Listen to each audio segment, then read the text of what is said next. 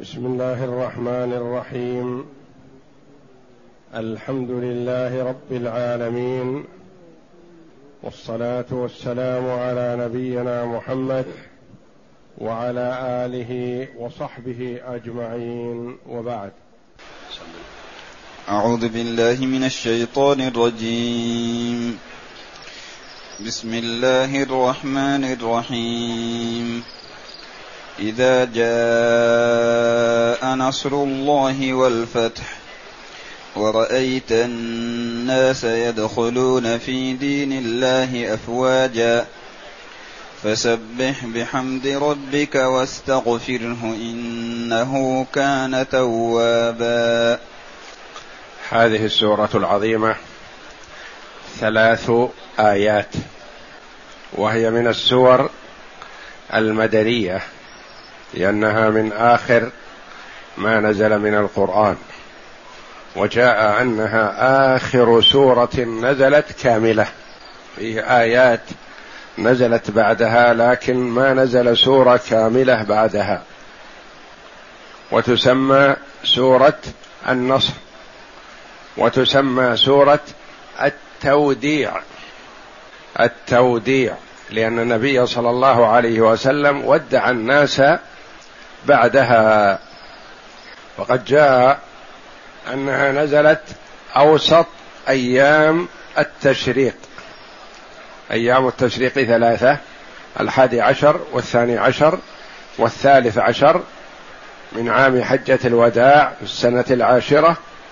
فجاء أنها نزلت في أوسط أيام التشريق يعني في اليوم الثاني عشر. لأن النبي صلى الله عليه وسلم أقام بمنى أيام التشريق الثلاثة. ما تعجل في يومين وإنما كمل الثلاثة ورمى في اليوم الثالث عشر وتوجه إلى المحصب صلوات الله وسلامه عليه إلى مكة وصلى الظهر بمكة. وهذه السورة العظيمة بينت للنبي صلى الله عليه وسلم قرب أجله فاستعد صلى الله عليه وسلم للقاء ربه. وكان على أتم الاستعداد لكن ضاعف استعداده عليه الصلاة والسلام. ولما نزلت عليه فسبح بحمد ربك واستغفره إنه كان توابا. تقول عائشة رضي الله عنها ما صلى رسول الله صلى الله عليه وسلم بعدها صلاة إلا قال سبحانك اللهم وبحمدك اللهم اغفر لي. تقول لاحظت رضي الله عنها ذلك فقالت أراك تقول شيئا ما كنت تقوله يا رسول الله؟ فقال إن الله أراني آية في أمتي. إذا رأيتها أكثرت من التسبيح وقد رأيتها. إذا جاء نصر الله والفتح ورأيت الناس يدخلون في دين الله أفواجا فسبح بحمد ربك واستغفره إنه كان توابا. دلالات القرآن في ظاهر الآيات ويكون أحيانا استنباط يستنبط من الآيات ولم يكن ظاهرا فيها. وهذا ما يستنبطه الذكي الموفق لفهم كتاب الله جل وعلا. يقول عبد الله بن عباس رضي الله عنهما كان عمر بن الخطاب رضي الله عنه وهو الذي أوتي الفهم الثاقب رضي الله عنه وقوة الذكاء وحسن الفراسة. كان إذا حزبه أمر دعا كبار الصحابة من المهاجرين الأولين والأنصار لأن الفهم عندهم يكون أكثر من غيرهم وبحكم صحبتهم للنبي صلى الله عليه وسلم وأخذهم عنه. فكان رضي الله عنه إذا حزبه أمر دعاهم. ويدخل معهم عبد الله بن عباس رضي الله عنهما. ومن المعلوم أن عبد الله بن عباس رضي الله عنه حينما وفاة النبي صلى الله عليه وسلم كان قد ناهز الاحتلام ولما يحتلم. وخلافة أبي بكر الصديق رضي الله عنه سنتان وأشهر. ثم كانت إمارة عمر رضي الله عنه وأرضاه. فكان ابن عباس شاب صغير ويدخله مع كبار المهاجرين والأنصار. يقول عبد الله بن عباس فكأن بعض الصحابة وجدوا في أنفسهم قالوا يدخل هذا الغلام معنا هذا الشاب ولنا أولاد مثله. لو دعا جميع الشباب أو تركه مع من ترك. وعمر رضي الله عنه معروف بالعدل. ما يحيف لقرابة أو لمودة أو لصلة من الصلات سوى الصلة الإسلامية. والفهم في كتاب الله. فعلم عمر رضي الله عنه بمقالتهم. فدعا كبار الصحابة من المهاجرين والأنصار وأدخل معهم ابن عباس. يقول فعرفت أنه دعاني لهذا وكان مؤدب رضي الله عنه وأرضاه. فدعاهم عمر رضي الله عنه وأدخل معهم ابن عباس وقال لهم ما تقولون في قوله تعالى إذا جاء نصر الله والفتح ورأيت الناس يدخلون في دين الله أفواجا السورة. قال بعضهم أمرنا الله جل وعلا إذا نصرنا وفتح لنا مكة أن نكثر من حمده وتسبيحه والاستغفار. وبعضهم توقف وبعضهم سكت ولم يقل شيئا. وابن عباس ساكت. يقول فالتفت إلي فقال أهكذا تقول ابن عباس؟ قلت لا. شاب صغير. قلت لا. ليس هذا هو المقصود. قال ما تقول؟ قال نعى الله جل وعلا لرسوله صلى الله عليه وسلم أجله. بهذه السورة. قال إذا رأيت كذا وكذا فاستعد للقاء. ما بقي شيء. أديت وظيفتك. وعمرك عمر فاضل. ما يصلح أن يبقى فيه شيء لا يؤدي دورا جيدا.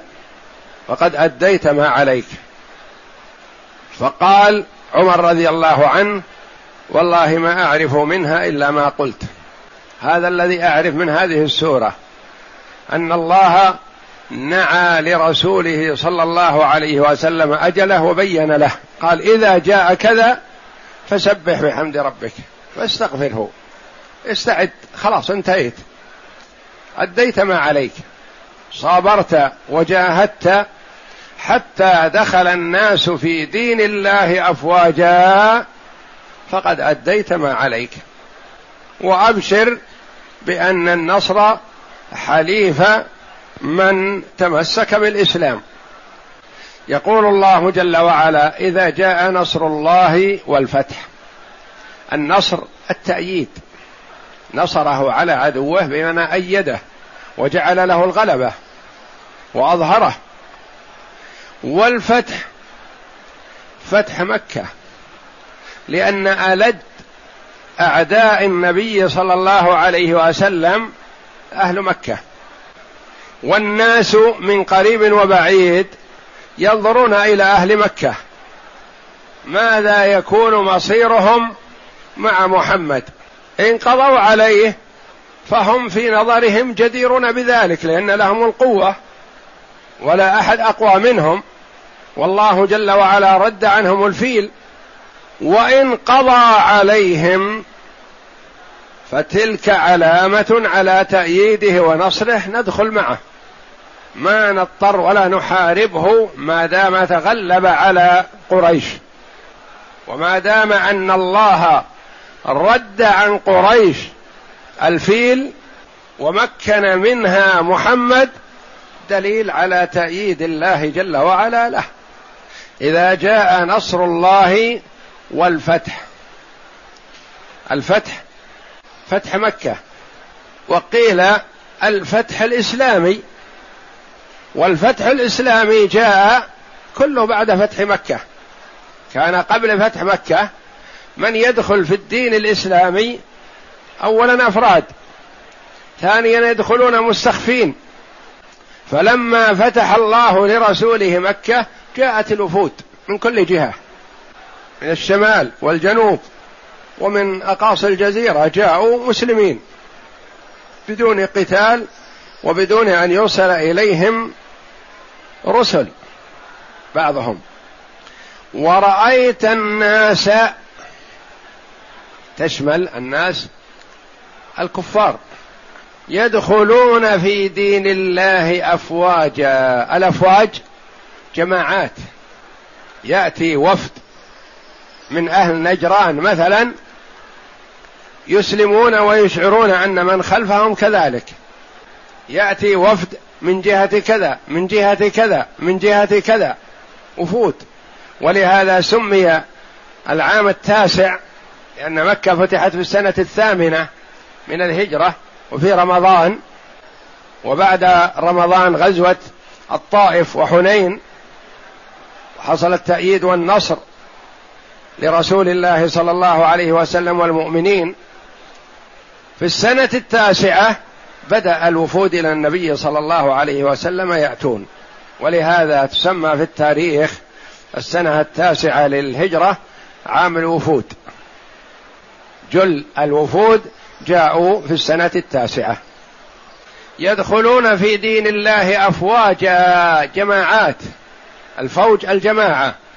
وليسوا جماعة واحدة بل جماعات متوالية متتابعة. فسبح. إذا رأيت كذا ورأيت الناس فسبح. بحمد ربك. سبح الله نزهه واحمده على هذا التأييد والنصر. واختم حياتك الطيبة المباركة بالإستغفار. والاستغفار تختم به الأعمال الصالحة. اولا لأن المرء مهما أتقن هذا العمل الصالح فإنه يشعر بالتقصير. ما يقول أنا أديت حج مبرور. لا يقول أنا مقصر. ما يقول صمت رمضان صوما كاملا. ما نقصت فيه ولا قدر قطمير يقول لا أنا مقصر. ولا أدري عن عملي أهو مجزئ أم لا. لعل الله أن يتقبله. فيستغفر اعترافا بالتقصير. وأن المرء مهما أتقن العمل لا يتبجح بعمله ولا يمدح نفسه. يكون ظنه حسن بربه أن الله يقبله ويقبل عمله ولا يتشاءم ولا يتخوف من الرد لكنه يتخوف من تقصيره حيث أنه مقصر. فيكثر من الاستغفار. النبي صلى الله عليه وسلم بعدما نزلت عليه هذه السورة كان يقول في ركوعه وسجوده سبحانك اللهم ربنا وبحمدك اللهم اغفر لي. تقول عائشة يتأول القرآن يعني يطبق ما جاءه في القرآن. فسبح بحمد ربك واستغفره اطلب منه المغفرة. والاستغفار مطلوب دائما وأبدا. ويحسن أن تختم به الأعمال الصالحة. بعد الانتهاء من الصلاة يشرع أن يقول بعدما يسلم مباشرة يقول أستغفر الله أستغفر الله أستغفر الله ثلاث مرات. وأفضل الأعمال الصالحة هي الصلاة بعد الشهادتين. والصلاة مشتملة على الشهادتين. قوله جل وعلا فسبح هذا هو جواب الشرط. إذا جاء نصر الله والفتح ورأيت الناس يدخلون في دين الله أفواجا. إذا جاء هذا فعل الشرط. ورأيت معطوف عليه. فسبح هذا جواب الشرط. والتسبيح والتنزيه والتحميد هو حمد الله والثناء عليه ومدحه بما هو أهله جل وعلا ثم الاستغفار من التقصير. والنبي صلى الله عليه وسلم أمر بهذا وأمر بهذا الصحابة رضي الله عنهم. قال له أبو بكر الصديق رضي الله عنه علمني يا رسول الله دعاء أدعو به في صلاتي. قال قل رب إني ظلمت نفسي ظلما كثيرا ولا يغفر الذنوب إلا أنت فاغفر لي مغفرة من عندك وارحمني إنك أنت الغفور الرحيم أو كما قال صلى الله عليه وسلم. فأمره بالإستغفار وهو أفضل الأمة على الإطلاق. والله جل وعلا أمر محمدا صلى الله عليه وسلم بالاستغفار وهو أفضل الخلق. فحري بالمسلم أن يكثر من ذكر الله جل وعلا والاستغفار. يكثر من الذكر لأن فيه الثناء على الله جل وعلا. ويكثر من الاستغفار لأن فيه اعتراف بالتقصير. اعتراف بالتقصير يعني معترف أنه مقصر فهو يطلب المغفرة لذنبه. فعن عائشة رضي الله عنها قالت كان رسول الله صلى الله عليه وسلم يكثر من قول سبحان الله وبحمده وأستغفره وأتوب إليه. فقلت يا رسول الله أراك تكثر من قول سبحان الله وبحمده وأستغفر الله وأتوب إليه؟ فقال أخبرني ربي أني سأرى علامة من أمتي فإذا رأيتها أكثرت من قول سبحان الله وبحمده وأستغفر الله وأتوب إليه. فقد رأيتها إذا جاء نصر الله والفتح فتح مكة ورأيت الناس يدخلون إلى آخره إلى آخر السورة يقول. أخرجه ابن أبي شيبة وابن جرير وابن المنذر وابن مردويه. وأخرج البخاري ومسلم وأبو داود والنسائي وابن ماجة وغيرهم عن عائشة قالت كان رسول الله صلى الله عليه وسلم يكثر أن يقول في ركوعه وسجوده سبحانك اللهم ربنا وبحمدك اللهم اغفر لي. يتأول القرآن يعني إذا جاء نصر الله والفتح. إنه كان توابا. إنه أي الله جل وعلا كان توابا. توابا يعني كثير التوبة على عباده. يعني يتوب على من تاب جل وعلا ويجزل العطاء. وجاء أن هذه السورة كما تقدم هي آخر سورة نزلت كاملة. وأما آخر ما نزل من الآيات فقيل قوله جل وعلا واتقوا يوما ترجعون فيه إلى الله. وجاء أنها اخر أن آخر ما نزل آية الدين آية الربا. وآية الربا هذه خاتمتها واتقوا يوما ترجعون فيه إلى الله ثم توفى كل نفس ما كسبت وهم لا يظلمون. بسم الله الرحمن الرحيم. تبت يدا أبي لهب وتب ما أغنى عنه ماله وما كسب. سيصلى نارا ذات لهب. وامرأته حمالة الحطب. في جيدها حبل من مسد هذه السورة مكية. وتسمى سورة تبت. وتسمى سورة أبي لهب. وهي معجزة وعلامة على صدق النبي صلى الله عليه وسلم وأن القرآن يأتيه من قبل الله جل وعلا الذي يعلم السر وأخفى يعلم الغيب والشهادة جل وعلا.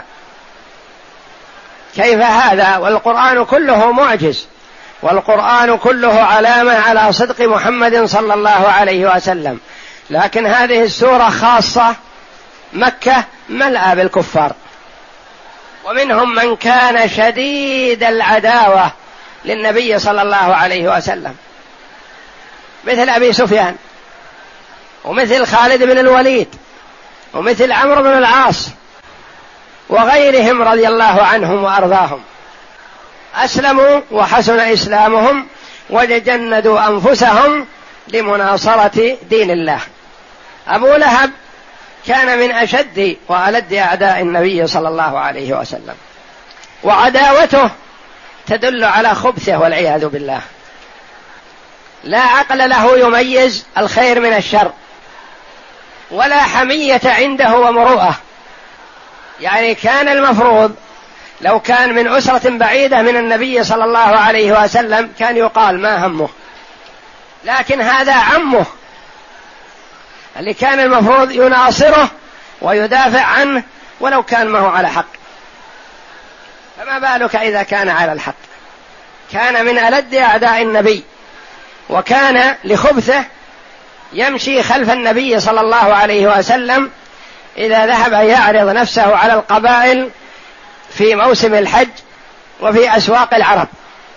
ويمشي وراءه ويقول نحن أعرف به هذا ابننا هذا ولدنا لكن هذا صابع. هذا كاهن هذا ساحر. إذا كان عمه يقول هذا القول فالناس يجتنبونه أقرب الناس إليه يقول عنه أبشع الصفات السيئة فالناس الغرباء الذين لا يعرفونه يجتنبونه. سبب نزول هذه السورة أن النبي صلى الله عليه وسلم في صباح يوم صعد الصفا. هذه الصفا جبل الصفا. ونادى بيوت مكة كلها بجوار الصفا. وصباحاه وصباحاه فجاء الناس. عادة من أراد أن يجمع الناس لأمر عظيم ينادي في مكان عالي فيتجمع الناس حوله. فتجمع الناس لأنه معروف عليه الصلاة والسلام أنه الصادق الأمين. فجاء الناس وتجمعوا حوله. فقال أرأيتم؟ لو أخبرتكم أن خيلا تغير عليكم خلف هذا الجبل أو من وراء هذا الوادي أكنتم مصدقي؟ هل تصدقونني إذا قلت لكم ذلك؟ قالوا نعم ما جربنا عليك كذب. ما كان يكذب وكان معروف عندهم بالصادق الأمين. فقال عليه الصلاة والسلام إني نذير لكم بين يدي عذاب شديد. انذركم العذاب عذاب الآخرة. وليس بعذاب الدنيا عذاب الآخرة أفظع وأشد. فقال أبو لهب لعنه الله تبا لك سائر اليوم. ألهذا جمعتنا يعني هذا الأمر الحقير. تجمع شيوخ قريش وكبراء القوم تجمعهم عندك. لهذا الأمر الذي لا يساوي شيء. تبا لك. فأنزل الله جل وعلا تبت يدا أبي لهب وتب وصمة عار عليه إلى أن يلقى في النار.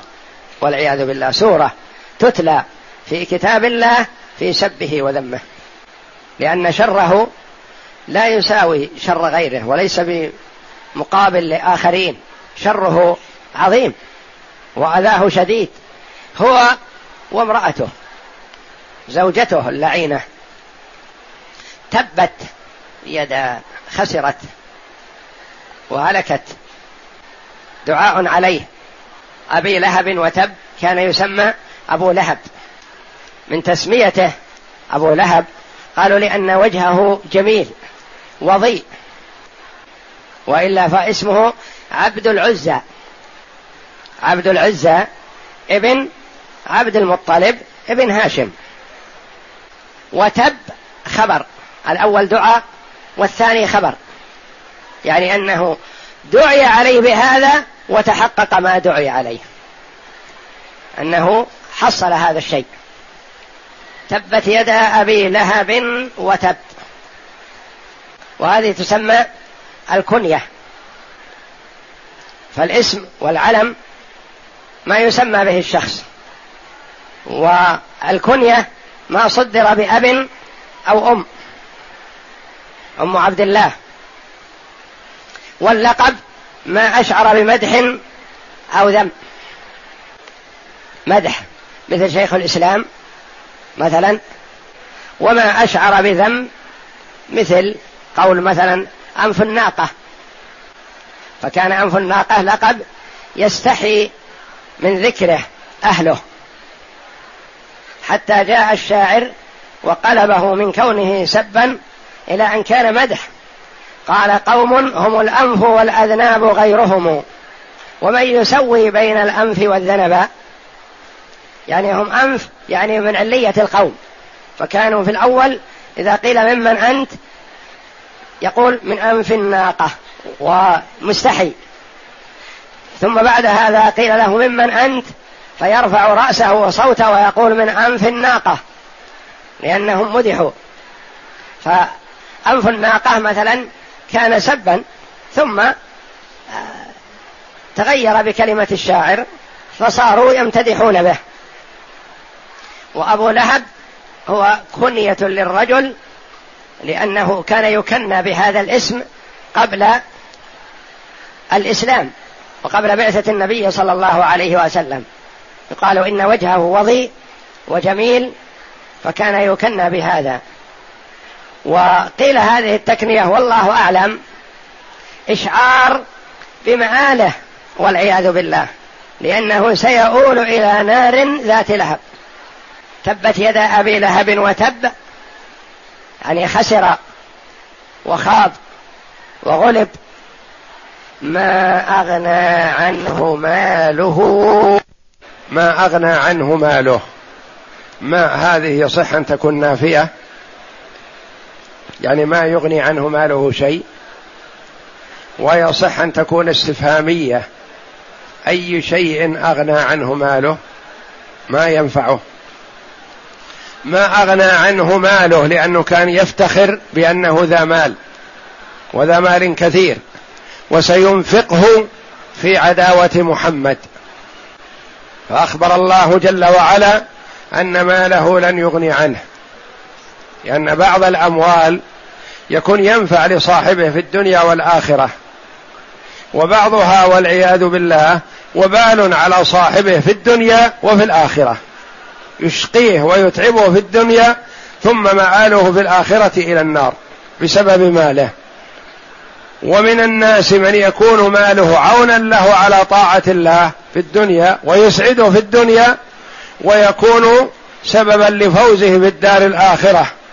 إذا تصدق منه وأعطى لله من ماله.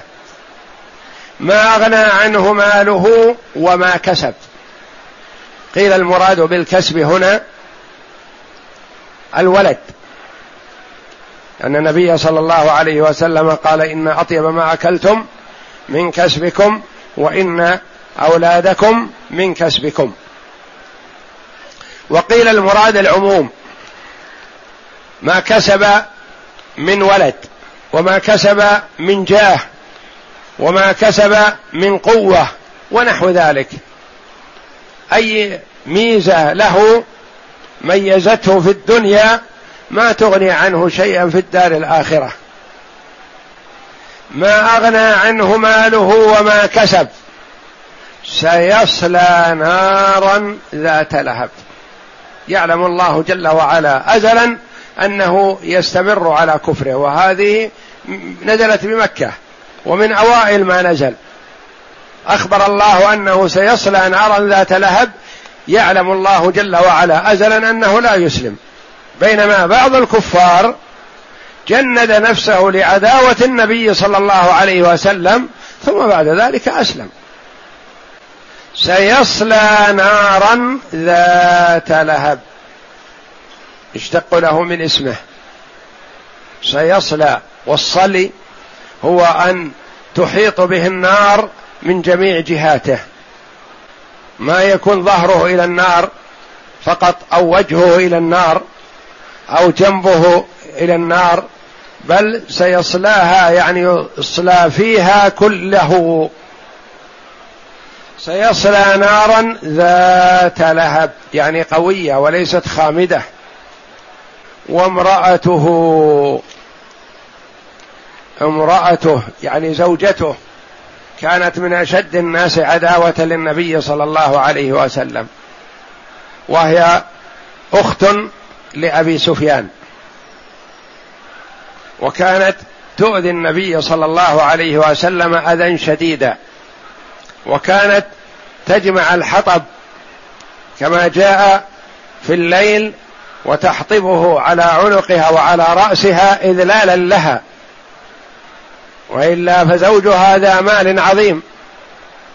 تحطب الحطب في الليل وتأتي به وتضع في طريق النبي صلى الله عليه وسلم حتى إذا خرج يؤذيه الشوك والحطب. وامرأته حمالة الحطب. يعني تحمل الحطب. امرأته حمالة قراءة الجمهور وقراءة عاصم حمالة على الحال والرفع على الخبر. وامرأته حمالة الحطب يعني تحمل الحطب. قيل المراد به الحملة الحطب في الدنيا تحطبه وتضعه في طريق النبي وقيل أنها تحمل الحطب في النار على زوجها. يسلطها الله جل وعلا على زوجها توقد عليه النار في نار جهنم. هي وإياه. وامرأته حمالة. حمالة صيغة مبالغة يعني تحمل بكثرة. في جيدها في عنقها. الجيد العنق. حبل الحبل معروف. من مسد قيل من ليف. أو حبل من نوع خاص أو من مسد يعني مفتول قوي. وهذا الحبل قيل هو الحبل الذي كانت تجمع به الحطب. تخرج إلى خارج مكة تجمع الحطب وتأتي به في هذا الحبل. وقيل هذا الحبل الذي في الجيد هذا حبل من نار. ولا منافاة بين القولين. يكون حبل من ليف في الدنيا ويكون حبلا من نار في الدار الآخرة. في سلسلة ذرعها سبعون ذراعا. في جيدها حبل من مسد. وهي شقية ولعينة وسليطة اللسان. جاءت تولول يعني تلجلج ومعها فهر يعني حجر عظيم تريد أن تضرب به النبي صلى الله عليه وسلم. فجاءت إليه في المسجد فقال أبو بكر رضي الله عنه يا رسول الله أقبلت هذه الشقية ومعها حجر وإني أخاف عليك منها. قال لا تخف لن تراني. فجاءت والنبي صلى الله عليه وسلم بجوار أبي بكر وهو عليه الصلاة والسلام يترفع عن آه، الكلام معها وعن آه، مجادلتها أو مضاربتها أو نحو ذلك. جاءت معها الحجر العظيم تريد أن تضرب به النبي صلى الله عليه وسلم. فلم ترى النبي صلى الله عليه وسلم ورأت أبا بكر وهو بجواره. فقالت علمت يا أبا بكر أن صاحبك هجاني. أين هو؟ علمت أنه هجاني. قال لا والله ما هجاك أقسم لها أبو بكر رضي الله عنه أنه ما هجاك وقد صدق. قالت أنت صدوق. أنت صدوق ما تكذب. وهو حلف رضي الله عنه أقسم بالله أنه ما هجاها وفعلا الرسول ما هجاها عليه الصلاة والسلام وإنما سبها الله جل وعلا من فوق سبع سماوات. فذهبت ولم ترى النبي صلى الله عليه وسلم. النبي صلى الله عليه وسلم تحصن منها بكتاب الله جل وعلا. وإذا قرأت القرآن جعلنا بينك وبين الذين لا يؤمنون بالآخرة حجابا مستورا. ما رأت النبي وهو بجوار أبي بكر وتخاطب أبا بكر والنبي بجواره. وتقول علمت أن صاحبك هجاني لما علمت بنزول هذه السورة. وهذه السورة كسور القرآن وكلام الله جل وعلا. خلافا لما يظنه بعض الناس جهلا أن هذه لا تقرأ في الفريضة أو لا تقرأ في الصلاة فريضة أو نافلة هذا جهل لأن هذا من كلام الله جل وعلا. والله جل وعلا تكلم بها كما تكلم بسورة الإخلاص قل هو الله أحد. وجعلتا بجوار بعض في القرآن أن الجميع كلام الله. ولا شك أن القرآن بعضه أفضل من بعض. أعظم آية في كتاب الله هي آية الكرسي. وأفضل سورة في القرآن فاتحة الكتاب. وسورة الإخلاص تعدل ثلث القرآن. فبعضه أفضل من بعض لكنها من كلام الله جل وعلا وتقرأ في الصلاة وفي غيرها وهي فيها زيادة إعجاز للنبي صلى الله عليه وسلم أنه قال هذه السورة وتلاها على الناس في أول الإسلام. بينما كثير من الكفار أسلم بعد هذا. فأخبر الله جل وعلا بعلمه الغيب أن أبا لهب يموت كافرا ويصل النار. لا تخفى عليه خافية جل وعلا. وأبو لهب مات على كفره بعد موقعة بدر. قيل بعد بدر, بسبع ليال. مات بالعدسة. والعدسة قرحة معدية مؤذية إذا أصيب بها المرء فر عنه الناس. ما يقربونه. وتسمى امرأته أم جميل بنت حرب. هي أخت لأبي سفيان بن حرب. وكانت عورا تحمل الغضا والشوك والسعدان فتطرحها بالليل على طريق النبي صلى الله عليه وسلم. كذا قال ابن زيد والضحاك والربيع بن أنس ومرة الهمداني. وقال مجاهد وقتادة والسدي أنها كانت تمشي بالنميمة بين الناس. والعرب تقول فلان يحطب على فلان إذا نم عليه. وقال سعيد بن جبير معنى حمالة الحطب أنها حمالة الخطايا يعني تكثر من الخطايا والذنوب. من قولهم فلان يحتطب على ظهره. كما في قوله تعالى وهم يحملون أوزارهم على ظهورهم. وقيل المعنى حمالة الحطب في النار يعني على زوجها. وفي القاموس المسد بسكون السين يعني المسد مصدر بمعنى الفتل.